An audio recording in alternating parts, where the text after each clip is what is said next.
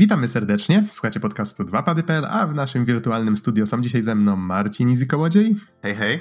I Mateusz Mkali-Kalicki. Dzień dobry. A mówi Adam Naksa 15 Dębski. Nagrywamy w sobotę 26 września 2020 i będziemy teraz recenzować wspólnie grę Ori and the Will of the Wisps. Wi wi Wisps. Rany, ten tytuł jest taki Whips. ciężki do wymówienia. Whips. Whips? Nie, tak naprawdę to nie. Ori and the Will of the Wisps. Wisps. Dobrze. Nim przejdziemy do tego tytułu, to jeszcze chcielibyśmy przypomnieć, że zachęcamy do odwiedzenia naszej strony 2pady.pl. Dzielcie się feedbackiem na temat odcinków na naszym Facebooku, na Twitterze, pod odcinkami na YouTubie. Eksperymentujemy obecnie trochę z dodawaniem na YouTubie też rozgrywki w tło podcastów. Nie jesteśmy pewni, czy będziemy robić to zawsze, ale sprawdźcie, może też troszeczkę się pojawi um, pod tym odcinkiem. No nie jesteśmy pewni jeszcze tak naprawdę. E, niemniej zachęcamy do tego, żeby też na naszego YouTube'a od czasu do czasu wpadać. Możecie słuchać nas na Spotify, Apple Podcast czy innych aplikacjach opartych na RSS-ie. A jeżeli chcecie rzucić grosza Wiedźminowi, znaczy podcastowi, to możecie to zrobić na Patronite. I dziękujemy wszystkim, którzy już nas wspierają. Dobrze, panowie, przejdźmy do Oriego czy właściwie do drugiej części Oriego, żeby już nie wymawiać tego bardzo pokrętnego podtytułu. E, przypomnę, że jedynka nazywała się Ori and the Blind Forest i żeśmy swojego czasu z Izim o, rozpływali się nad nią w recenzji, bo ta gra była taka piękna i taka grywalna i była to świetna Metroidvania, podobnie jak ta część. Platformówka 2D z otwartym światem. Czy ktoś chciałby tutaj troszeczkę informacji encyklopedycznych na temat tej nowej części powiedzieć? To może ja z, z, mhm. zabiorę ci głos. E, Ori and the Will of the Wisps, tak samo jak Blind Forest zostało stworzone przez Moon Studios. To jest studio chyba ze Szwajcarii, jak dobrze pamiętam, i, i nie tylko ze Szwajcarii, bo całe studio się składa właśnie z osób w różnych regionach świata, które pracują dosłownie z domu i tak złożyli właśnie własne studio, Moon Studios. Gra została stworzona... E, poprawię cię, bo na wiki jest podane, że to jest austriackie. Austriackie, przepraszam, przepraszam. Austriackie studio, ale całe studio w zasadzie pracuje zdalnie. I nawet jeszcze przed. Tak jak wszystkie w ostatnie miesiące. Tak, tak. W sumie, w sumie, w sumie tak, oni jeszcze przed pracowali, oni już wiedzieli. E, I e, Moon e, i Ori and the Will of the Wisps e, zostało stworzone na PC-ta oraz Xbox One 11 y, marca i miał premierę 11 marca 2020 i dość niedawno y, wyszła wersja na Nintendo Switch 17 września 2020, czyli kilka dni temu w zasadzie. Mhm, tak, i zapowiedziano jeszcze, że jak wyjdzie Xbox Series XS, to też doczekamy się jakichś tam patchy zwiększających chyba mm, liczbę klatek i. 120 FPS-ów. I płynność animacji musieli zmienić, tak, te, tego typu rzeczy. E, rozdzielczość, wiadomo. E, natomiast jeszcze przypomnę, że mm, Ori and the Blind Forest, czyli część pierwsza, wyszła w 2015 w marcu, więc 5 lat temu. Dobrze, i może, żeby tak jakoś ładnie zarysować, o co właściwie chodzi, nie chciałbym spoilować jedynki, jeżeli ktoś w nią nie grał, więc. Yy, Zresztą nie musimy tego robić, wydaje mi się, aż tak mocno w przypadku dwójki. Po prostu powiedzmy, że mamy znane postacie na samym początku Ori and the Will of the Wisps, Wisp, wiecie o co chodzi. Ori 2, Ori 2 będziesz Ori 2, dziękuję. Na, na początku Oriego dwójeczki pojawiają się znane postacie. Znowu mamy tutaj do czynienia z takim wzruszającym, ładnym prologiem, e, chociaż tym razem trochę może mniej wyciskającym łzy z oczu, ale, ale tak. Bardzo fajnie wprowadza w świat, zachęca właśnie do tego, żeby poznać go głębiej, angażuje w to, co się dzieje. I Ori w tej chwili żyje razem z małą sową, która uczy się latać. I początek gry, właściwie to, co całą akcję napędza, to to, że w pewnym momencie um, udaje jej się pofrunąć i razem z Orim fruną nad oceanem, odfruwają od tej krainy, którą poznawaliśmy w części pierwszej i poznają, trafiają do drugiej krainy, gdzie też jest wielkie drzewo rosnące na środku wielkiego lasu, tylko widać, że to drzewo już coś jest z nim nie tak, jest być może martwe od bardzo dawna. Rozpętuje się burza i obie postacie właściwie zostają rozdzielone. Ori w, w środku ciemnego lasu, tak, próbuje tą swoją e, przyjaciółkę odnaleźć. I tak właściwie, hmm, tak właściwie zaczyna się akcja. Nie wiem, czy chcielibyśmy coś więcej na ten temat powiedzieć. E, ogólnie tutaj bardzo podobnie jak w jedynce mamy e, bardzo podobny sposób prowadzenia narracji, nie? czyli też właśnie tam podróżujemy, spotykamy się z jakimiś postaciami i tak dalej i wszystko to są takie takie nintendowskie dźwięki, nie? Na zasadzie, że mamy e, mamy jakiegoś NPC'a, pojawiają się napisy, co on rzeczywiście mówi i słyszymy tylko tak, to, a to Gareth Cocker wydający odgłosy do mikrofonu i przerabiający to potem w softie. Tak, dokładnie tak, więc, więc tak jakby tutaj ten, nie, też nie mamy voice actingu i w ogóle i wydaje mi się, że jeżeli chodzi nawet o jakiś taki, o jakąś taką budowę fabuły i nawet trochę o kolejne sekwencji, to właśnie dwójka mi strasznie przypomina jedynkę, szczerze powiedziawszy. Mhm. Tutaj fajnie, że wspomniałeś o NPC-ach, bo w jedynce nie było ich znowu dużo. Tak, przeważnie NPC w jedynce to były, były w scenkach, a tutaj rzeczywiście są takie, które już są na stałe, nie? z którymi można pogadać, z który, do, do których można zaczepić, coś tam dowiedzieć się trochę więcej. Ewentualnie też pojawiają się side questy, które e, rzeczywiście mogą, wpływają na nasze umiejętności, czy, czy trochę na świat, czy na eksplorację. Mhm, tak. Najfajniejsze jest to, że tych NPC-ów jest dość dużo. Mamy właściwie taką wioskę w pewnym momencie znajdujemy, która jest y, czymś w rodzaju huba. To znaczy z czasem y, wraz z postępami w grze pojawiają się tam nowe postacie. Te postacie mają dla nas nowe questy.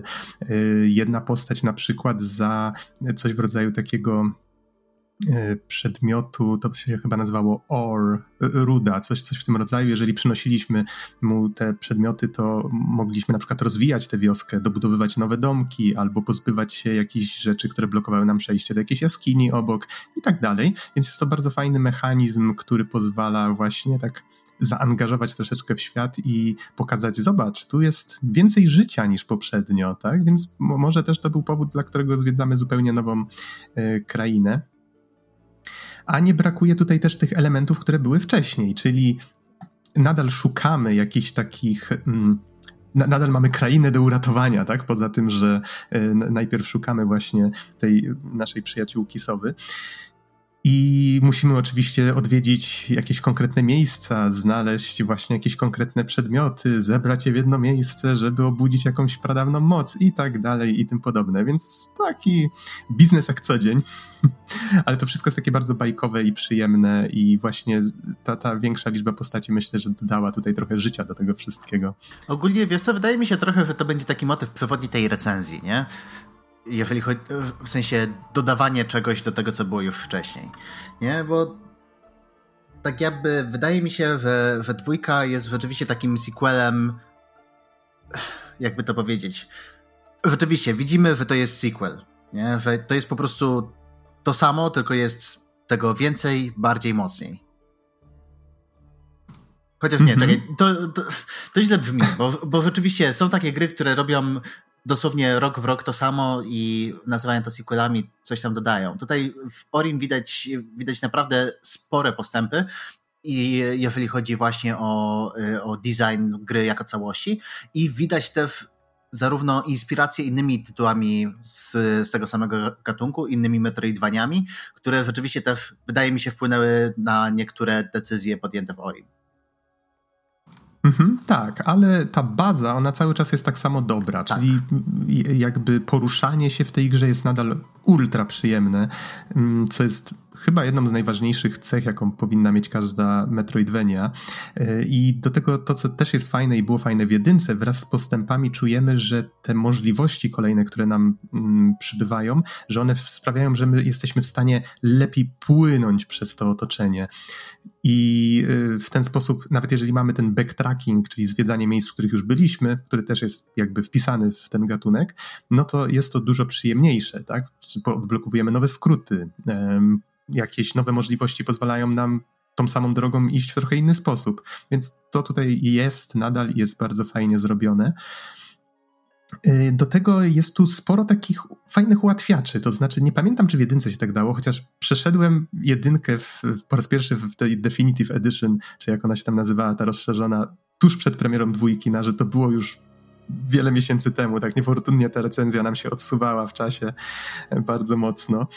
Um, no to nie pamiętam, czy w jedynce pewne feature'y były, ale tutaj na przykład można zrobić coś takiego, odblokować w pewnym momencie taką umiejętność, która pozwala nam się teleportować do dowolnego teleportu z dowolnego miejsca co od razu skraca czas potrzebny na przykład na eksplorację i zdobywanie 100%, jeżeli powiedzmy coś, już skończyliśmy grę i szukamy nowych rzeczy, tak? Do tego możemy sobie ułatwić tą eksplorację bez sięgania po jakieś poradniki w internecie, mm, bo na przykład mamy tutaj mapy do kupienia, które zaznaczają nam konkretne znajdźki, albo właśnie umiejętności, które sprawiają, że niektóre ściany stają się półprzezroczyste. Nadal chyba były jakieś takie drobne wyjątki, które musiałem sprawdzić w internecie, ale ogólnie, y, ogólnie gra bardzo przyjaźnie do tego podchodzi i jest to fajne, że nie musimy, ale możemy sobie pewne rzeczy tutaj właśnie ułatwić. Nie wiem, jak wy do tego podchodziliście i, i czy w ogóle przechodziliście grę na 100%, czy staraliście się tylko po prostu skończyć historię? Ja osobiście nie przechodziłem na 100%, zrobiłem większość w sumie, bo grałem tę grę jakoś tak równo w sumie z premierą, bo jak wychodził Ori o północy, to dosłownie już, od, jak była, już czekałem, że była minuta po północy, odpalałem i już wsiąkłem dosłownie, tak robiłem prawie całą samą fabułę i później ale szczerze mówiąc nie korzystałem zbytnio z tych teleportów, ponieważ same poruszanie się po tej całej krainie sprawiało mi ogromną przyjemność. Bo, mm-hmm. bo w zasadzie nawet odkrywając niektóre miejsca e, z nowymi umiejętnościami pozwalało mi na przykład wskoczyć na przykład tam, gdzie e, twórcy na przykład nie pomyśleli, albo w ogóle, albo, albo nawet pomyśleli i pochowali na przykład tam znajdźki, więc e, Osobiście na przykład nie korzystałem z tych teleportów, tym bardziej, że samo poruszanie się, tak jak wspomnieliście, naprawdę daje taką ogromną przyjemność, ponieważ ten Ori jest taki snappy, tak skakuje tak idealnie, że to jest miłe dla oczu, że nie wiem. To znaczy, to nawet nie jest, nie, nie tyle, że to jest miłe dla oczu, to jest po prostu mega satysfakcjonująca jest motoryka postaci. Nie to, jak się poruszamy, to, jak, jak precyzyjne jest sterowanie, to jak e, właśnie mamy różne, różne umiejętności, które pozwalają nam się poruszać właśnie szybciej, sprawniej, e, z większą gracją. To jest naprawdę fajne i bardzo, bardzo, bardzo przyjemne. E, ja osobiście korzystałem trochę z teleportów, jak tam robiłem jakieś, jakieś parę questów, bo akurat chyba zakończyłem grę mając coś koło 97% wbite, ale nigdy nie chciałem się dokończyć ale ja tak mam. No, ale jeszcze wracając do, do tego backtrackingu, to rzeczywiście względem, względem jedynki jest dużo więcej takich miejsc, które y, widać, że są zaprojektowane w 100% po backtracking, nie? W sensie, że jak przechodzimy pierwszy raz przez, przez y, jakąś przez jakąś nową miejscówkę, to wtedy widzimy kątem oka miejsca, gdzie moglibyśmy skoczyć, gdybyśmy tylko mogli podskoczyć jeszcze o pół, o pół piksela do, do góry nie? I to tak jakby dużo, dużo bardziej to odczułem właśnie tutaj i dzięki temu też ten flow był taki przyjemniejszy, bo to nie było na zasadzie, że backtracking dla backtrackingu i przechodzimy jeszcze raz zupełnie to samo, tylko tutaj tak jak Mkali wspomniałeś, nie? że za każdym razem coś nowego odkrywamy, coś gdzieś się czai.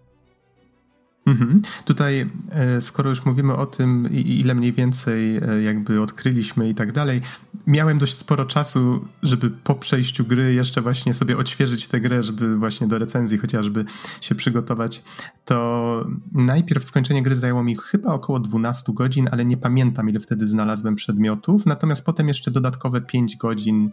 Yy, to już było 100%, czyli około 17 godzin do 100%. A skoro powiedziałeś o, o tym przyjemnym poruszaniu się, to tutaj taka ciekawostka. Osobiście jestem takim staroszkolnym graczem platformówkowym, więc jak gram w platformówki, to wolę to robić na dipadzie, na krzyżaku.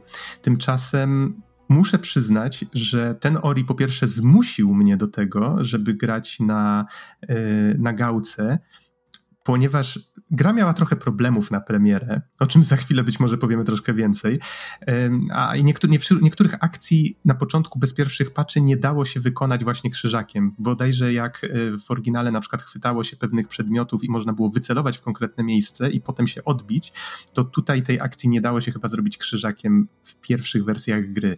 Potem to chyba załatano. Więc po prostu stwierdziłem w pewnym momencie, że nie, to jest bez sensu, więc będę grał cały czas na gałce, i się przekonałem do tego autentycznie. Stwierdziłem nawet, że w tę platformówkę da się grać dużo przyjemniej, grając na gałce. I nie traci się wcale precyzji, tak? Więc nawet się zyskuje wręcz.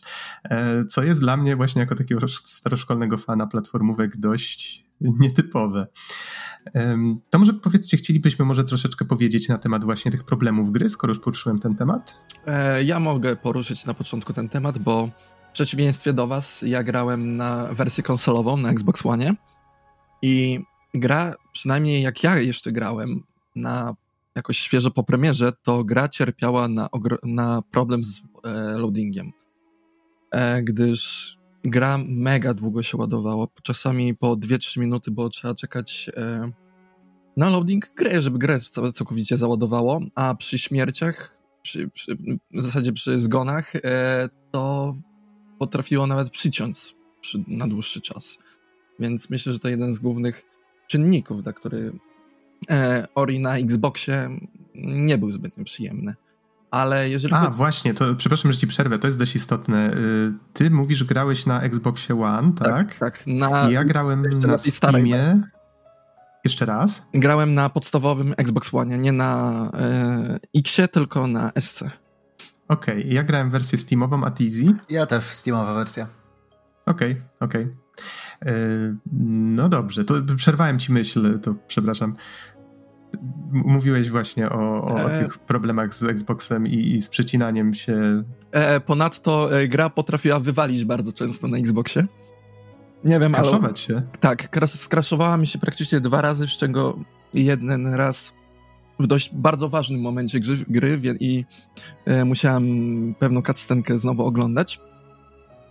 E, co jeszcze, czy jeszcze coś mi tak wpada do głowy? Szczerze mówiąc, jeżeli chodzi o spadki klatek i tak dalej, nie odczuwałem nic takiego, przynajmniej na Xboxie. Wiem, że słyszałem, że niektórzy mieli problemy z tym na PC-tach, ale, przy, ale na Xboxie, jeżeli chodzi o klatki, to myślę, że było stabilne 60, 60 FPS-ów. Mhm. E, easy, a ty miałeś jakieś problemy? Wiesz co? Nie pamiętam. Szczerze mówiąc, wydaje mi się, że nie miałem ani problemów z klatkarzem, ani z tym. W sensie mam dosyć porządnego kompa, nie? Więc, więc uciągnie całkiem sporo, więc y, grałem tak jakby tam z, ze wszystkim na maksa ustawiony i ty jeszcze w ultra wide quad HD, nie? Czyli tam tą rozdziałkę, co ma 3200 na 1440, czy mm -hmm. jakoś tak, nie? I byłem pod mega wrażeniem, że rzeczywiście już day one był, było pełne wsparcie. Nie, w sensie nie, nie było czegoś takiego, że gdzieś ucinają się tekstury i coś znika, albo że nie wiem, albo nie było pasów, które po prostu blokują wizję. Wszystko działało out of the box i nie no, byłem naprawdę mega zadowolony. To się rzadko zdarza. Mm -hmm. To na moim sześcioletnim komputerze karta graficzna GTX 770, o czym już chyba kiedyś tam wspomniałem, um, gra działała ok, chociaż faktycznie były miejsca, w, w, ogóle może powiem tak, ja na początku grałem na premierę, a potem odłożyłem tę grę na miesiąc, bo były pewne bardzo poważne problemy z dźwiękiem przynajmniej u mnie, no chociaż widziałem, że niektórzy też się na to skarżyli co w grze, która ma tak piękną muzykę i tak piękną oprawę dźwiękową, to jest po prostu zbrodnia. Grasz sobie, grasz, chillujesz się przy tej cudownej muzyce i nagle słyszysz, jakby ktoś ci wiertarką wiercił w uchu. Niewybaczalne, niewybaczalne. Nie, to ja tylko miałem chyba coś takiego, że raz mi muzyka w ogóle się wyłączyła. I musiałem zrestartować grę, żeby, żeby znowu słyszeć. Ja też mhm. miałem ten no problem, szczerze mówiąc, właśnie z muzyką, że właśnie raz się wyłączyła i tak się zastanawiałem, czy to czy to tak specjalnie jest, czy coś, ale faktycznie nie było. Okej, okay. czyli, czyli widać, że tych problemów z dźwiękiem było więcej. No u mnie one były o tyle przykre, że ten dźwięk, który mi zaczynał świdrować w uchu, był z reguły tak trzy razy głośniejszy niż sama muzyka, więc to było naprawdę takie, że można było sobie wyrobić odruch taki, że wiecie, że, że się bałem po prostu grać tak, w słuchawkach. Yy, dlatego odłożyłem grę po miesiącu, dwóch, nie pamiętam, wróciłem do niej i potem już tak przez trochę dłuższy czas ją przechodziłem, więc jeszcze tam pewnie dochodziły różne pacze. Mam wrażenie, że ten problem przestał istnieć zupełnie w pewnym momencie, a nawet jeżeli się pojawiał, to był to jakiś taki drobny dźwięk, szum gdzieś tam w tle czasami. Więc to chyba wynikało z tego, że jak się za dużo dźwięków pojawiło, czy coś, coś tam nie stykało. Niemniej twórcy mam wrażenie, że w większości załatali ten problem. No i właśnie z wydajnością. Sporo problemów z wydajnością. Raz miałem okazję, znaczy okazję, musiałem grać w grę na, na laptopie, bo nie miałem innej możliwości. No i tam czułem to bardzo dotkliwie. Już na swoim zwykłym PC-cie faktycznie są miejsca, gdzie jak przechodzimy między lokacjami, to gra bardzo zwalnia, tak jakby doczytując coś tam w tle. Specjalnie zainstalowałem ją na dysku SSD, żeby ominąć właśnie te problemy, które ty miałeś Mkali na Xboxie, że tak się długo ładowało wszystko i faktycznie gra bardzo przyspieszyła po zainstalowaniu na SSD, w sensie wczytywała się znacznie szybciej. No ale tak, jednak nadal pojawiały się te problemy z drobnymi spadkami, czasami trochę większymi właśnie podczas podróżowania między lokacjami i na laptopie było to czuć dość dotkliwie. Laptop jest dużo nowszy niż ten PC właściwie. Mam wrażenie, że teraz jak wyjdzie wersja Switchowa, to może twórcy mo mocniej to pooptymalizują, tak? Może doczekamy się jakichś patchy też na innych platformach, które jakieś tam dodatkowe poprawki uwzględnią. Niemniej warto tutaj jakby w ramach recenzji wspomnieć, że gra na początku miała spore problemy i prawdopodobnie wiele z tych problemów jest już nieaktualnych, jak tego słuchacie. Z tego, co, z tego. Z tego, co czyta, ten, e, rozmawiałem z kolegą, który kupił wersję Switchową i mówił, że gra na Switchu działa lepiej day one niż, lepiej niż na Xboxie One pierwszego dnia, że znacznie po, poprawili jakość ogólnie tego portu i ten port jest dosłownie superior. Więc myślę, że jest ok. No to spoko. Okej. Okay. To wracając może do samej gry. Wydaje mi się, że nie wspomnieliśmy o kilku rzeczach, które faktycznie odróżniają dwójkę od jedynki. Mianowicie, chyba najważniejsza zmiana, która, którą odkryje wiele osób, które przyzwyczaiło się do jedynki, to to, że nie musimy tutaj sami stawiać checkpointów. Um, wiem, że z jednej strony chyba żeśmy to chwalili, trochę chwalili, trochę nie. Wtedy na e, recenzji Wiesz jedynki. Co, pamiętam, to znaczy chyba w pierwszych wrażeniach albo w czymś takim, pamiętam, że narzekaliśmy na to na pewno jeszcze z surferem. A może Aha. to było poza pierwszymi wrażeniami? Że narzekaliśmy na to, że to było takie trochę nieintuicyjne i z jednej strony ok, ale z drugiej strony było takie strasznie hamowało rozgrywkę, nie? Bo w jedynce to tak jakby było na tym, na cooldownie, nie? Więc można było po prostu chwilę poczekać i postawić jeszcze raz checkpoint i to było takie nie wiem, burzyło, burzyło płynność rozgrywki. To znaczy musieliśmy mieć manę, żeby móc to postawić, plus cooldown, więc tak. ym, jeżeli nie mieliśmy tej many, to sprawiało, że gra się stawała nagle strasznie trudna. Ym, no poza tym dało się o tym łatwo zapomnieć, jak się przyzwyczaiło do takich właśnie współczesnych gier i nagle się okazywało, że o kurczę, nie stawiałem checkpointu od pół godziny tak? i cofało nas cały ten, ten czas do tyłu.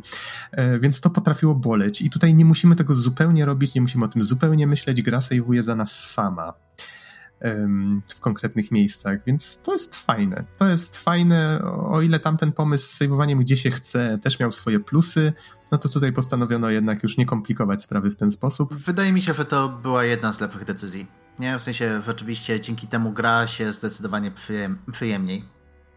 Mhm. Druga rzecz, która bardzo odróżnia dwójkę od jedynki, to system walki i właściwie umiejętności, co się łączy bezpośrednio. Bo w jedynce mieliśmy tego naszego kumpla świetlika, który latał wokół nas i to jakby my jemu mówiliśmy, żeby atakował, czyli każdy atak to jakby powodował taki, taki piorun, który odchodził od tego świetlika i w ten sposób atakowaliśmy przeciwników. Natomiast tutaj Ori atakuje już sam Mamy takie trzy pola widoczne na, trzy kółka właściwie widoczne na dole ekranu i możemy pod nie przypisać dowolną akcję. I to są, tak jak mamy cztery przyciski akcji po prawej stronie pada, powiedzmy na Xboxie to, to jest A, B, X, Y, na, na PlayStation kółko, kwadrat, trójkąt i X, e, to te górne trzy służą właśnie do tego, że możemy przypisać do nich dowolną akcję. I to może być atak takim świetlistym mieczem, atak łukiem, y, mamy tam jakieś włócznie, masę różnych rzeczy tak naprawdę z czasem się pojawia, odblokowujemy te umiejętności, możemy sobie podajże pod triggerem, z tego co pamiętam, rozwinąć taką całą listę ich i przypisać na szybko do tych przycisków, więc jest to dość wygodne. Do tego możemy sobie u niektórych NPC-ów wykupywać ulepszenia, więc na przykład sprawiać, że ten łuk ma więcej strzał i tak dalej i tym podobne. Więc to, to jest bo mocno rozwinięte. Jeżeli ktoś chciałby się pobawić, to może faktycznie y, dostosować sobie atakowanie do, do jakiegoś tam swojego własnego stylu gry. Nie wiem, czy macie jakieś przemyślenia na ten temat. Tak, właśnie y, tak jakby mam parę takich, parę nitpików, nie? W sensie nie do końca podoba mi się ten system, szczerze powiedziawszy.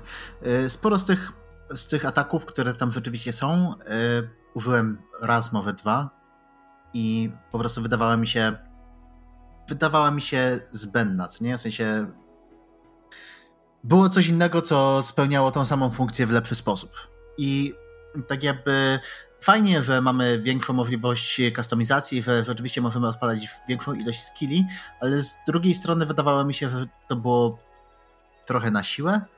Nie, plus do tego tak jakby mm, jeżeli chodzi szczególnie o wczesny etap gry, bo tak jakby na początku mamy tylko, tylko skakanie de facto, nie? Później tam jeszcze jakieś dodge role i tak dalej, i tak dalej. Odblokowujemy kolejne umiejętności, które pozwalają nam się poruszać na nowe sposoby. Yy, na samym początku strasznie dziwnie się czułem, mając tam 5-6 skilli do wyboru, ale jest na zasadzie, ok, masz tylko trzy przyciski, a wszystkie te folder batony zapomnij o nich. I było takie, ok, dobra, dlaczego skille, które rzeczywiście musimy czasami użyć, musimy bindować szczególnie do, do, do, jednego przycisku, skoro mamy tyle do wyboru. Oczywiście później weszły nowe, właśnie te nowe movement skille, nie, które, które zajęły te pozycje, no ale dalej, taki trochę, trochę mi to nie odpowiadało. Tym bardziej, że są miejsca, gdzie po prostu trzeba skorzystać z konkretnych skilli. Nie? Są, są one po prostu wymagane, żeby, tak jak wspominasz właśnie o tych, o tych strzałach choćby, co nie, to okej, okay, dobra, jeżeli chcesz przejść ten jeden skok, to musisz tutaj mieć strzały. I pierwszy raz, jak, jak tam na przykład lecisz, to powiedzmy, że nie ekwipujesz strzał, bo zużywają za dużo many, lecisz, lecisz, lecisz i nagle okazuje się, że nie przeskoczysz.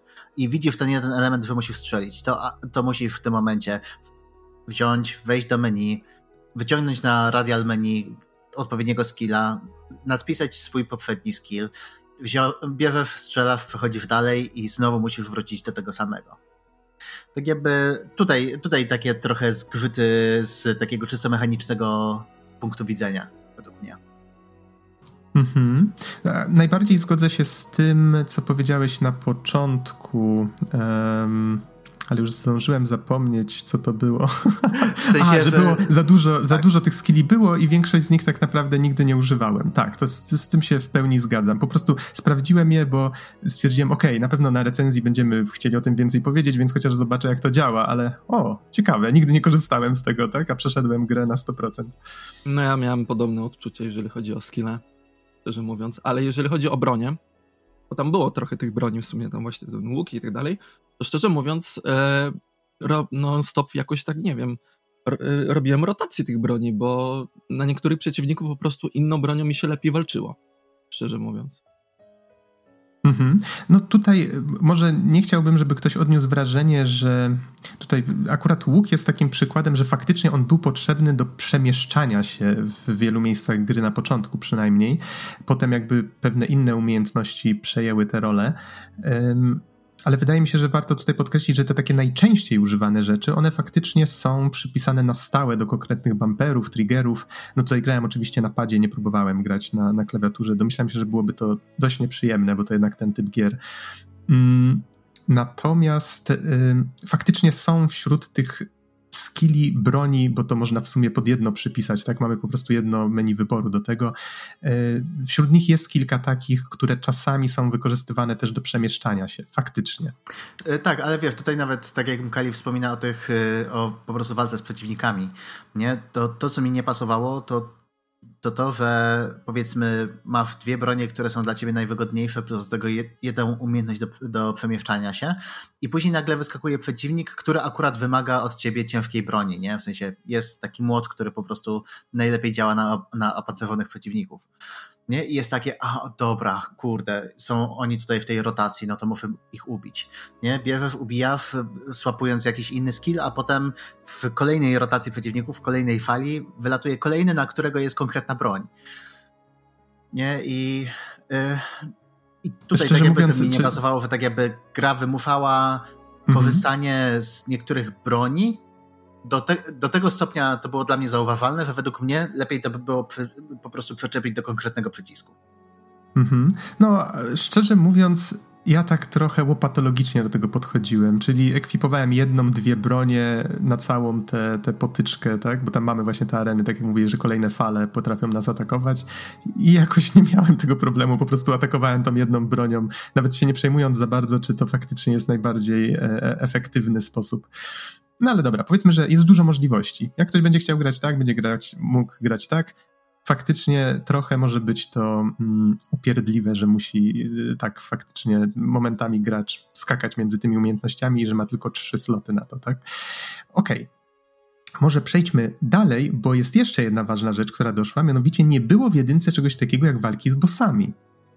Były ucieczki, które stały się według mnie takim, taką cechą charakterystyczną Oriego, te, te, takie sekwencje, że musieliśmy na pamięć jakby wyuczyć się całej sekwencji, jak uciec i one może i bywały frustrujące, jak się grało w grę po raz pierwszy, ale jak się już umiało to zrobić, to ta muzyka, która leciała w tle i, i te emocje, to wszystko tak działało świetnie. Ucieczki wracają, nie jest ich może aż tak dużo, chociaż w jedynce też nie było ich wiele, natomiast są uzupełnione właśnie o walki z bossami. To są już takie pełnoprawne starcia, gdzie e, mamy wielkich przeciwników, którzy też mają swoje właśnie jakieś tam paterny, jakieś szablony zachowań, musimy się ich nauczyć, musimy ich pokonać. I co jest bardzo, bardzo fajne, to to, że nie muszę już, tak jak w jedynce, kopiować sobie save'a, jeżeli chcę powtórzyć konkretną sekwencję ucieczki albo konkretnego bossa, bo gra umożliwia powtórzenie właśnie tych najbardziej emocjonujących momentów z poziomu save'a. Wystarczy wejść właśnie w menu głównym gry y, w, w opcję swojego save'a i tam są odblokowane właśnie wszystkie ucieczki, wszystkie walki z bossami, y, które już odwiedziliśmy wcześniej. Do tego są dodane jeszcze rzeczy, których też nie było w jedynce, czyli jak to się nazywało? E, Spirit Trials bodajże. To są takie wyścigi z duszkami. I to jest taki trochę internetowy element. To znaczy, można te czasy nasze na tych wyścigach, najpierw pokazywana jest nam trasa, jeżeli zgodzimy się brać w tym udział. Jeżeli ją przebiegniemy, no to wtedy ten czas jest zapisywany i potem możemy się ścigać z duchami właśnie innych osób, z naszym duszkiem. I to jest całkiem fajne. Można sobie śledzić chociażby, ile tam nasi znajomi mieli czasu. Bo jak zakładam, zwłaszcza na PC, bardzo szybko pewnie pojawią się cheaterzy, którzy znajdą setki sposobów, jak oszukać ten system, więc z reguły patrzenie na takie globalne statystyki na PC mija się z celem. Um, ale to jest taki fajny element i do tych do tych wyścigów, z tego co pamiętam, też dało się przenosić właśnie z poziomu save'a, jeżeli się już je znalazło. Mam nadzieję, że się nie mylę i nie palnę ołem czy teraz czegoś głupiego, ale warto wspomnieć, że taki element też tutaj jest. Ha, o czym jeszcze moglibyśmy wspomnieć, nim przejdziemy do oprawy? W sumie powiedzieliśmy już o tym, że, że questy poboczne w grze istnieją. One tak. raczej się tak. One się raczej do czego tam sprowadzają? Przynieś, przynieś, przynieś, przynieś podaj. Tak. tak. To, to, w, jakiś tam, w jakiś tam sposób to wzbogaca świat gry. Pamiętam, że jakiś tam był taki fajny quest, y, jeden Moki, bo tam są takie właśnie śmieszne stworki nazywane Moki, jest ich całkiem sporo w tej wiosce i one, mm, jeden z nich powiedział, że zostawił swoją rodzinę w takim, w takim mrocznym lesie. No i to, to był taki quest, który wydał mi się strasznie, strasznie smutny przy okazji. E, tak, jest, jest mówił. parę takich, y, takich motywów, które rzeczywiście chytają za serce, nie? Ale z drugiej strony masz drugiego Mokiego, który stwierdza, że zgubił plecak. To idziesz i nagle okazuje się, że plecak wziął ktoś inny, ale chciałby czapkę. Potem okazuje się, że okej, okay, dobra, mogę ci dać czapkę, jeżeli mi przyniesiesz to. Nie? I cała taka seria y, Oczywiście w takiej też konwencji trochę, trochę wyśmiewającej te wszystkie questy, nie? Jest, jest taki jeden, który dosłownie latasz po całej mapie i załatwiasz rzeczy, które są zupełnie niezwiązane z tym, co chcesz zrobić. Tak, ale powiem wam, że jeżeli się skończy ten cały ciąg tych questów, to nagroda jest naprawdę warta świeczki, no jeżeli tak. chce się robić 100%. Um, no dobrze, to i mamy cały taki fajny ekran w grze w ogóle.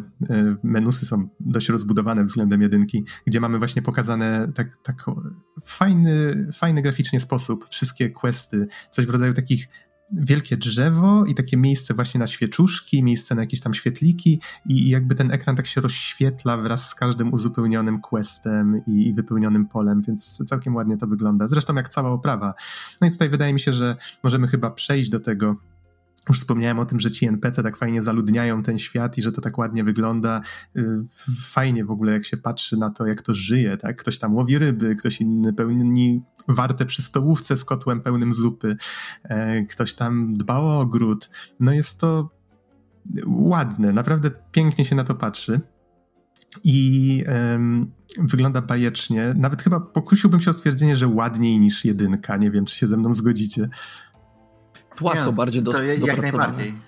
Tła są bardziej dopracowane z tego, zauważy, z czego zauważyłem i animacje jeszcze lepiej wyglądają niż w jedynce, tak. więc znacznie lepiej. Wszystko wygląda. I animacje, i blending między animacjami, ilość, ilość kolejnych warstw w tłach i podbita jest rozdziałka praktycznie wszystkiego, nie? Gra jest przepiękna wizualnie po prostu. Mhm. Um, no tak, tutaj te efekty cząsteczkowe, też się tego całkiem sporo zrobiło. W ogóle, jeżeli ktoś nie widział tej gry w akcji, to może tutaj taka ciekawostka. Bardzo dużo z tych rzeczy to jest trójwymiarowy model albo faktycznie te tła ustawione w przestrzeni trójwymiarowej. Natomiast po postaciach tak nie za bardzo widać to z pewnej odległości, ale to są faktycznie trójwymiarowe modele, które tak fajnie udają 2D. E, i, I fajnie właśnie fajnie to się wszystko skleja. Cała, cała jakby ta wizja artystyczna bardzo, bardzo się klei w tej grze i, i, fajnie to wygląda. Ciągle coś się rusza, choćby jakieś listki czy jakieś liany. Y, jak ktoś nie grał w jedynkę, o, to może warto wspomnieć, że jakby chyba taką najważniejszą cechą otoczenia w Orim jest to, że ono jest takie bardzo organiczne. Tam zwiedzaliśmy las i tutaj zwiedzamy las, ale są jakieś tam zakamarki tego lasu, jakieś, jakieś jaskinie, jakieś leża pająków albo tutaj nie jestem pewien, czy nie zniechęciłem nagle pewnej grupy odbiorców, um, albo powiedzmy jakieś tam. Tutaj jest nawet trochę większe zróżnicowanie, bo mamy chyba krainę właśnie pokrytą piaskiem, chociaż w jedynce też było odrobinę. To się nazywa lokacji. pustynia.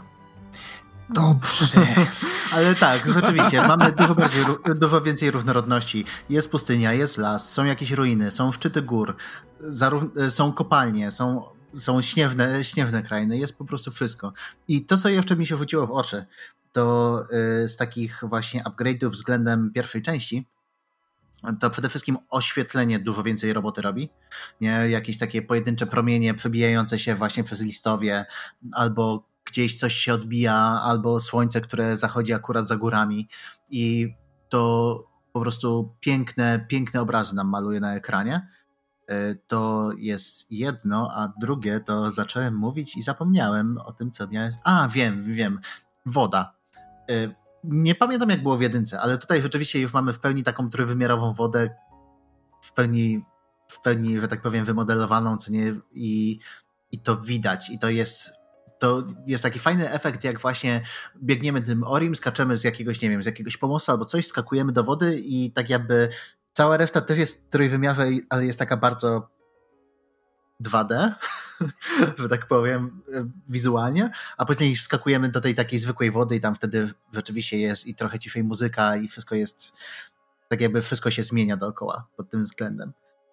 I... Mhm. Ta, taka piękna gra, że naprawdę szkoda, że, że miała tyle problemów technicznych na tak. wstęp. Mam nadzieję, że to nie zniechęciło wielu osób bo warto, wa warto właśnie zobaczyć to wszystko w akcji i posłuchać. No właśnie, a propos słuchania, ponownie muzykę skomponował Gareth Cocker i soundtrack jest no cudowny. Tutaj dużo nie ma co mówić, trzeba po prostu posłuchać samemu. Chwyta za serce, nie puszcza, e, potrafi zaintrygować, wzruszyć, zmotywować do działania cokolwiek potrzeba, to, to Gareth ma nad nami pełną kontrolę. Dokładnie. Tak? Nie, Gareth Cocker tak. jednak, jeżeli chodzi o właśnie o, o soundtracki właśnie do, do obu Ori, to to, co Gareth Cocker wyczyna, wyczynia na swoim pierwszym Xboxie, to jest, to jest coś cudownego. O Jezu. Na, na swoim pierwszym Xboxie, co? Zrozumiałem, zrozumiałem o co chodzi. Nie, tutaj do tego mema, co właśnie na, e, jak pokazywali pierwszy raz Oriego dwójkę, nie? To był Gareth Cocker, który grał na fortepianie i, tak. i ktoś na Twitterze napisał, o tutaj widzimy jak Gareth Cocker siedzi przy pierwszym Xboxie. Kaz, Kaz Hirai jak CEO. To, to był tak. ten, ten, ten Twitter.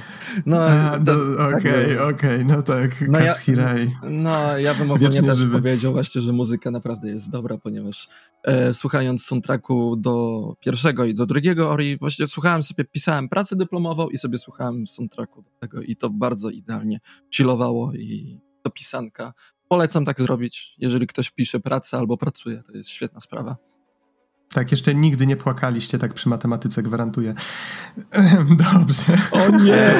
No, powiem no, tak, jeżeli ktoś studiuje matematykę, to już na pewno tyle płakał. Dziękuję. Tak, już, już nie ma czym płakać. O.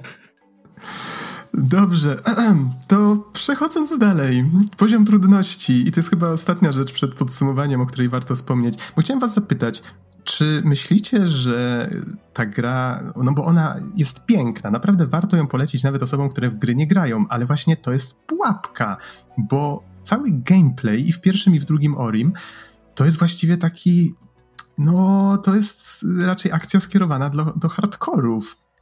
Ona bardzo pięknie wprowadza i faktycznie byłem świadkiem, jak osoba, która nie gra w takie gry, zaczęła jedynkę i ją skończyła i faktycznie nauczyła się tych wszystkich trudnych trików i faktycznie ta gra jej się bardzo podobała, ale no widać było tak, że to była troszeczkę droga przez mękę miejscami. Um, Właśnie co, co wy o tym sądzicie? Czy myślicie, że ta gra jest za trudna, czy jest przystępna mimo je, wszystko? To jest trudna gra, ponieważ te sek sekwencje e, ucieczkowe albo walki z bossami to są naprawdę bardzo trudne sekwencje, ponieważ wymagają ogromnej zręczności i trzeba naprawdę E, wykorzystywać skille jeszcze z głową w odpowiednim krótkim czasie w niektórych e, sekwencjach. Tak, e, wydaje mi się, że dwójka i to tak, jeżeli chodzi o tak jakby streamline całości i to jak, jak gładko się całość przechodzi, jest zdecydowanie lepiej niż jedynka, ale dalej jest na dosyć wysokim poziomie trudności. Wydaje mi się, że tutaj tak jakby twórcy, gdyby udostępnili wybór, jakąś taką kustomizację poziomu trudności, jak choćby Celest, w Celest, jak kiedyś, kiedyś omawialiśmy ten tytuł, nie, gdyby wprowadzili coś takiego, rzeczywiście mogliby się otworzyć na trochę szersze grono odbiorców. Nie, mam paru znajomych i osoby, które na co dzień nie grają w platformówki, co nie zainteresowały się Orim, bo czaiły mniej więcej na czym polega historia i, i, yy, i widziały, yy, widziały same nagrania z, z gry, co nie? I rzeczywiście po prostu te osoby się odbiły przez, przez to, jak, jak, jaka, jaki to jest ciężki tytuł dla, dla ludzi, którzy nie są bardziej ograni. Mhm. Ale mimo to myślę, że zachęcamy, żeby spróbować. Bo ona faktycznie ta gra stara się tak stopniowo uczyć nas tych kolejnych mechanizmów. One są trudne do opanowania, ale gra stara się to w miarę przystępnie wprowadzać i gra może być trudna, ale myślę, że warto się przemęczyć tak, żeby przez nią przejść. Nie pamiętam osobiście, czy był jakiś wybór poziomu trudności. Być może nie było Wydaje żadnego. Wydaje mi się, że nie. Mhm. No cóż, to może w takim razie na tym poprzestańmy rozmowę na ten temat i w ramach podsumowania, tutaj już wspomniałem, że mnie przejście gry zajęło 12 godzin, chociaż domyślam się, że dałoby się dużo szybciej, bo pewnie też sporo szukałem w tak zwanym międzyczasie, plus 5 godzin dodatkowych do 17, żeby zrobić 100%. Nie wiem, czy wy macie swoje dane gdzieś tam spisane. Ja mam coś koło 12 godzin i 98% wbite. Ja, ja, ja nie wiem, bo grałem na Xboxie, więc nie wiem.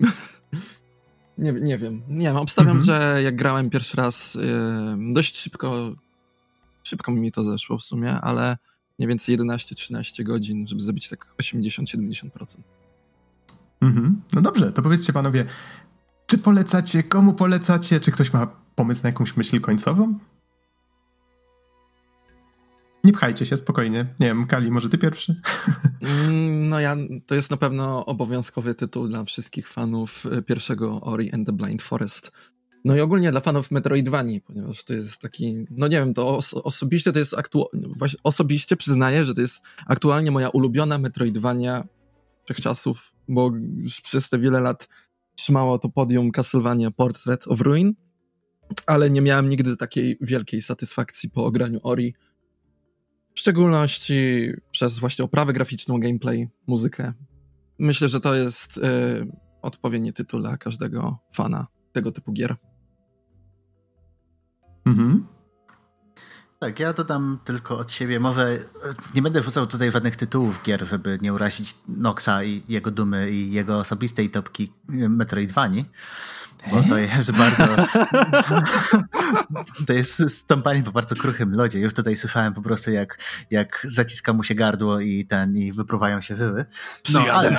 że, że, że, co, że ktoś, że ktoś sugerował, że Hollow Knight nie jest najlepszą Metroidvanią ever? O, o nie, to ozna... Ja nic o... o Hollow Knight nie powiedziałem. O nie, to ja oznacza, że ja muszę teraz zabarykadować się na tym swoim Podlasiu. Ty mnie nie znajdziesz. Ja muszę teraz do lasu skoczyć, ty mnie nie znajdziesz, uwierz. Dobrze.